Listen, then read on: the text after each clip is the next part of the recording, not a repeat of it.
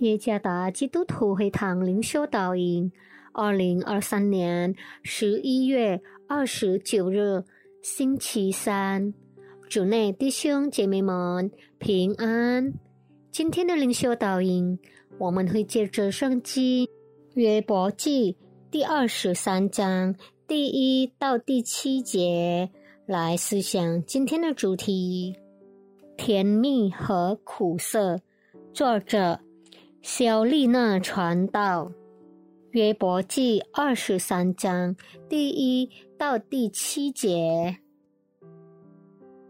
约伯回答说：“如今我的哀告还算为悖逆，唯愿我能知道在哪里可以寻见神，能到他台前，我就在他面前。”将我的案件陈明，满口辩白，我必知道他回答我的言语，明白他向我所说的话。他启用大能与我争辩吗？必不这样，他必理会我，在他那里正直人可以与他辩论，这样。我必永远脱离那审判我的。皮克斯的电影《脑筋急转弯》向我们展示了一个十二岁孩子的五种主要情绪。五种基本情绪分别是：喜乐、悲伤、愤怒、怨恶、恐惧。喜乐是。主要性格也是最占主导的情绪。喜乐的性格是希望一切总是积极的，直到最后，当其他情绪开始出现时，一切都改变了。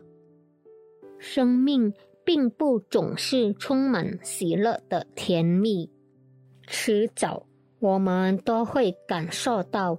悲痛的苦涩，约伯的生命看似幸福的，然而后来他却要经历失去孩子，失去所拥有的一切，甚至失去健康。若约伯问神是否还善待他，这是很自然的。身为人的我们。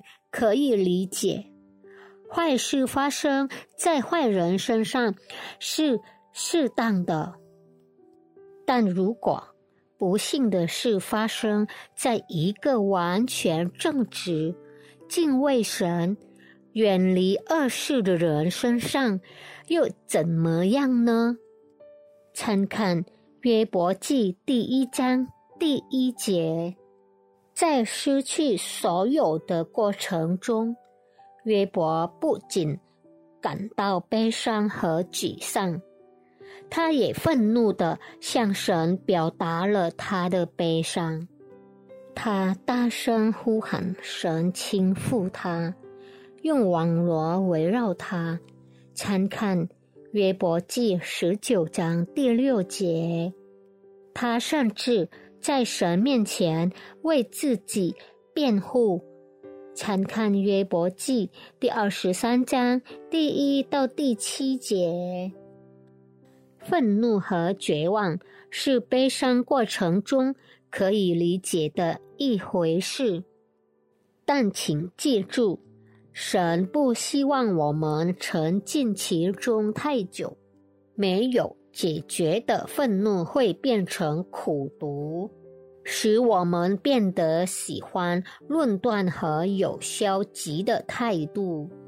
最终，我们不再相信神是美好的，并主宰我们的生命。神了解我们的处境，他从未离开过我们。透过继续不断的依靠他。我们就意识到人的生命很脆弱。我们被教导接受它作为我们生命里的一段故事。我们所经历的悲伤，不该使我们远离神，反而是更亲近神。无论我们陷入悲伤有多深，神大能的手可以帮助我们。愿上帝赐福大家。